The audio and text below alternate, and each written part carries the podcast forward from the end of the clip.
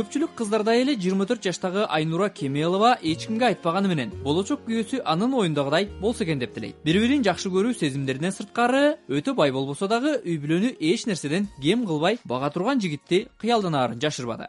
Я не скрываю с возрастом э, все меняется оказывается кайсы эле кыз мен байлыгына карап тием деп айтмак эле. Айрыкча кыргызстанда деп койбоймунбу антип айтсаң деле балеге калдың да. Бирок ар бирибиз күйөөгө тийгенден кийин жакшы жашагыбыз келет. Даяр тамы болсо ал эми азыр машина байлыктын көрсөткүчү эмес болуп калды. Ошондой билимдүү дагы бир аз байыраак жигит буюрса экен деп ичиңен тиленет экенсиң бойго жетип калганда.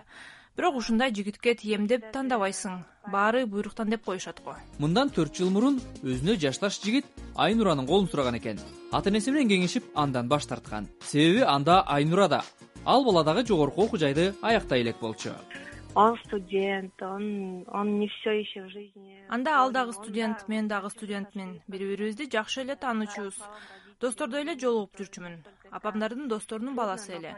Айылдан келип бул жакта батирде жашачу. Ал бала иштечү эмес. Айылда ата энесинин малы болсо керек билбейм бирок экөөбүз баш коштук дейли. Ал иштебесе мен дагы иштебесем кантип жашамак элек деп дагы ойлондук окшойт. Ар бир ата эне өз кызын эч нерседен кем болбогон бардар үй бүлөнүн келини болсо деп тилээри талашсыз. Байкоочулар бүгүнкү күндө билимдүү социалдык жагдайы жакшы кыз келиндер бой жүргөндөрү көбөйгөнүн айтышат. Шаар тургуну турсун шамшидинованын бойго жеткен кызы бар. Ал кызынын турмуш курууга шашылбай жүргөнүнө ичинен сарсанаа жолдошу экөөнүн кантип баш кошконун эстеди ал маалда деген эчтеке байлык эчтекеге карачу эмеспиз да. Анда деген байлык э, эме деген жок болчу. Маалда бирдей жашачубуз да анда советтер союзунун маалы болчу да. Мисалы мен сексен биринчи жылы турмушка чыккам.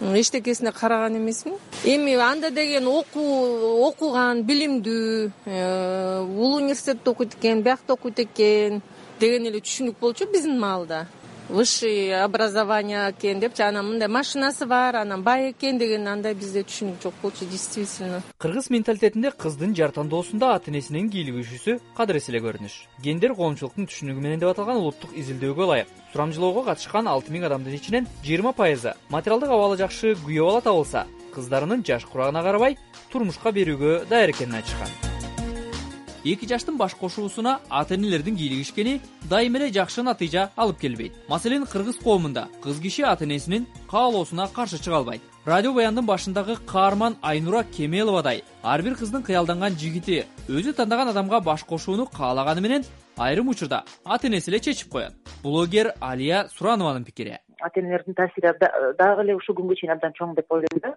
Мисалы карап көрсөк абдан э, сейрек кездешет да ата энеси мейли эми биз каршы болбосок да бизге жакпаса дагы өзүң бактылуу болсоң эле болду дегендей бир көз жумуп койгондорду абдан сейрек кездештирем да. Эле бир эки эле пайыз болбосо бирок көбүнчөсү дагы эле ушул күнгө чейин айтып келишет да. Анткени ата энелерде мындай ой бар да.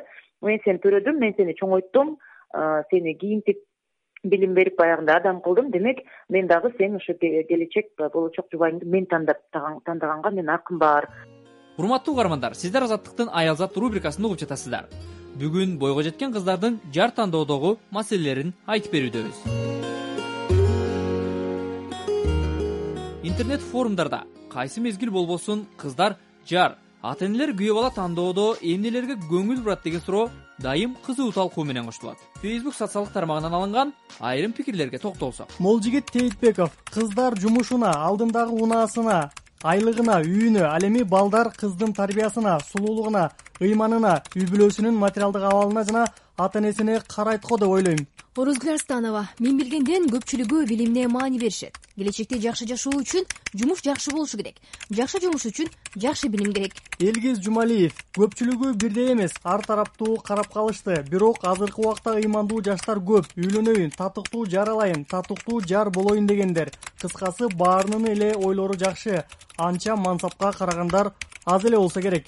Таттыгүл токтосунова керек болсо кытайга тий же болбосо кытай кызды алсаң да боло берет кыскасы сага жакса бактылуу болсоңор болду деп калышат го баарысы эле бактияр касиденов кызым кыйналып калбасын деп материалдык жактан жакшы турган үй бүлөгө берет. Бул менин жеке оюм гүлина жыйнакбек кызы мурда кыздар ишкер жигиттерди издешчү. Азыр мырзалар кыздардын иши барбы дешет экен.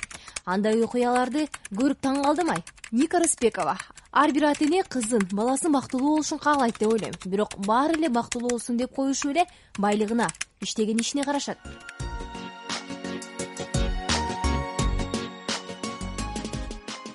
бишкектеги радиолордун биринде иштеген түмөнбай абдинаби уулу учурда бойдок учурда кызбы. Жигитпи жар тандоодо билимин баалап калганын байкап жүрөт ошентсе дагы ал материалдык абалына карап турмушка чыккан кыздарды сындабайт. Ар бир адам өмүрлүк жарын кантип кандай тандайт өзү билет. Тандоо кайсыл? Көпчүлүк учурда жалгыз гана ушул жигитти мен сүйөм ошол себептен тандайм деген чыныгы кырдаалдар э, аз кездешет анткени аял заты. Жашоодо бир тобокелчиликке баруудан коркот. Мырзаларчалык тобокелчиликке таштай албайт. Мен эгер бул жигиттин эч нерсеси жок. Эч кандай э, киреше булагы эч кандай билими жок. Ошол себептен мен эртең кыйналып калам. Эртең биздин жашообуз кантип өтөт деген бир э, суроолорго суроолордон кооптонуп маселелерден кооптонуп ошол себептүү тобокелчиликке бара албагандыгын э, билүүгө болот да. А бирок эң сүйүндүргөнү эң кубандырганы акыркы учурда билимдүү жигиттерге кызыккан кыздардын көбөйүшү бул жигиттерди дагы билимдүү болууга үндөйт. Ал эми гүлүпа колунда калчу жыйырма бешке чыккан уулун үйлөнтө албай убара уулу орусиядан каражат топтоп турак жай автоунаага ээ болуп анан келиндүү кылам деген экен. Күлүпа азыркы жаштардын мына ушундай түшүнүктөрүн жактырбайт. Балам кечүү балам үйлөнө элек азыр жыйырма беште ошо азыр эки жылдан кийин дагы үйлөнөм дейт. Өзү москвада иштейт.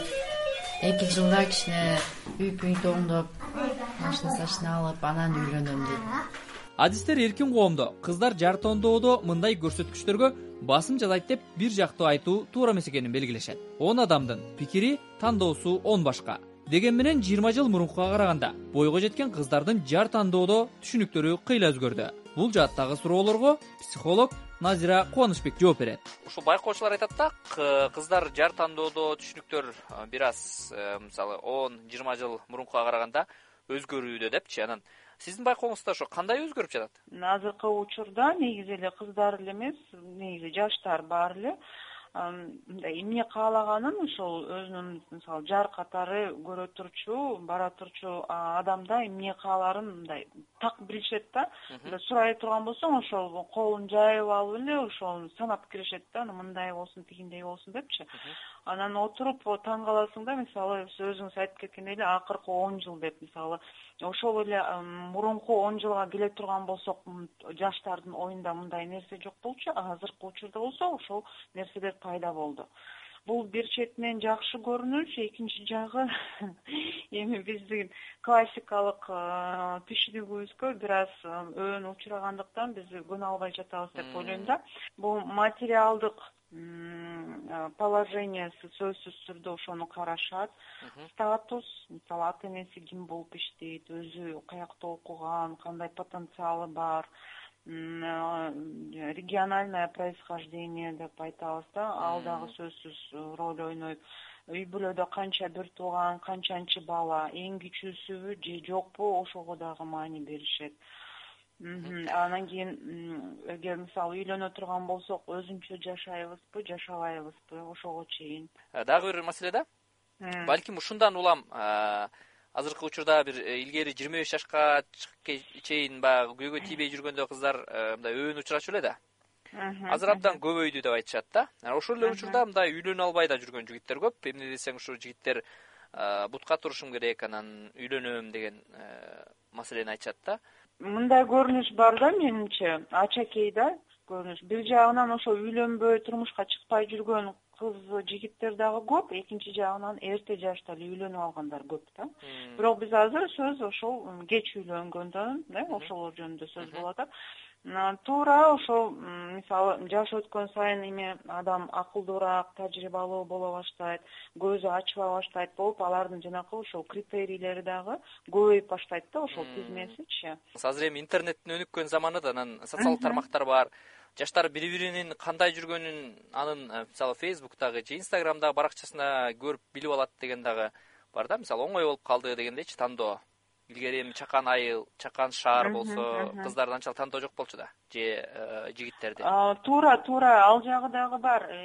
Азыр мисалы интернетке койгон ар бир сүрөтүн же болбосо ар бир кадамы баары бир кандайдыр бир түрдө коррекциядан чыгып туруп коюлган нерселер да. Ал дагы ошол бир жагынан канчалык реалдуу деген дагы суроону туудурат да. Караса болот көрсө болот кандайдыр бир биринчи мындай жеңил желпи бир пикир олуштура алат түзө алат да. А бирок реалдуу түрдө ал адам кандай ошо ата энелер э, кыздарын турмушка берүүдө канчалык роль ойноп калды бүгүнкү күндө? Менимче ата энелердин ролу мурун кандай болсо азыр деле ошондой менимче. Анан кийин негизи биякта башка факторлор да бар да эми ушул жерден бир нерсени кошо кетейинби? Диний динди бекем туткандардын дагы кыздарын берүүсү өзүнчө кошулду э? Баягы бизде ооба бул да өзүнчө бир критерий болуп калды да татаалдатты бул жаатты анан кийин бул жагынан дагы мындай жаштар мисалы өздөрү бири бирин жактырышып мындай психологиялык жактан совместимость бар болгон болсо дагы анан кийин бул динге келинип баардык жер жакшы болуп окей окей окей анан кийин ошол диний көз карашка келгенде бөлүнүп кетет да. Психолог назира кубанычбек менен маектештик урматтуу угармандар сиздер азаттыктын аялзат рубрикасын уга алдыңыздар. Бүгүн сиздерге бойго жеткен кыздардын жар тандоодогу маселелерин айтып бердик. Берүүнү бишкектен токтосун шамбетов даярдады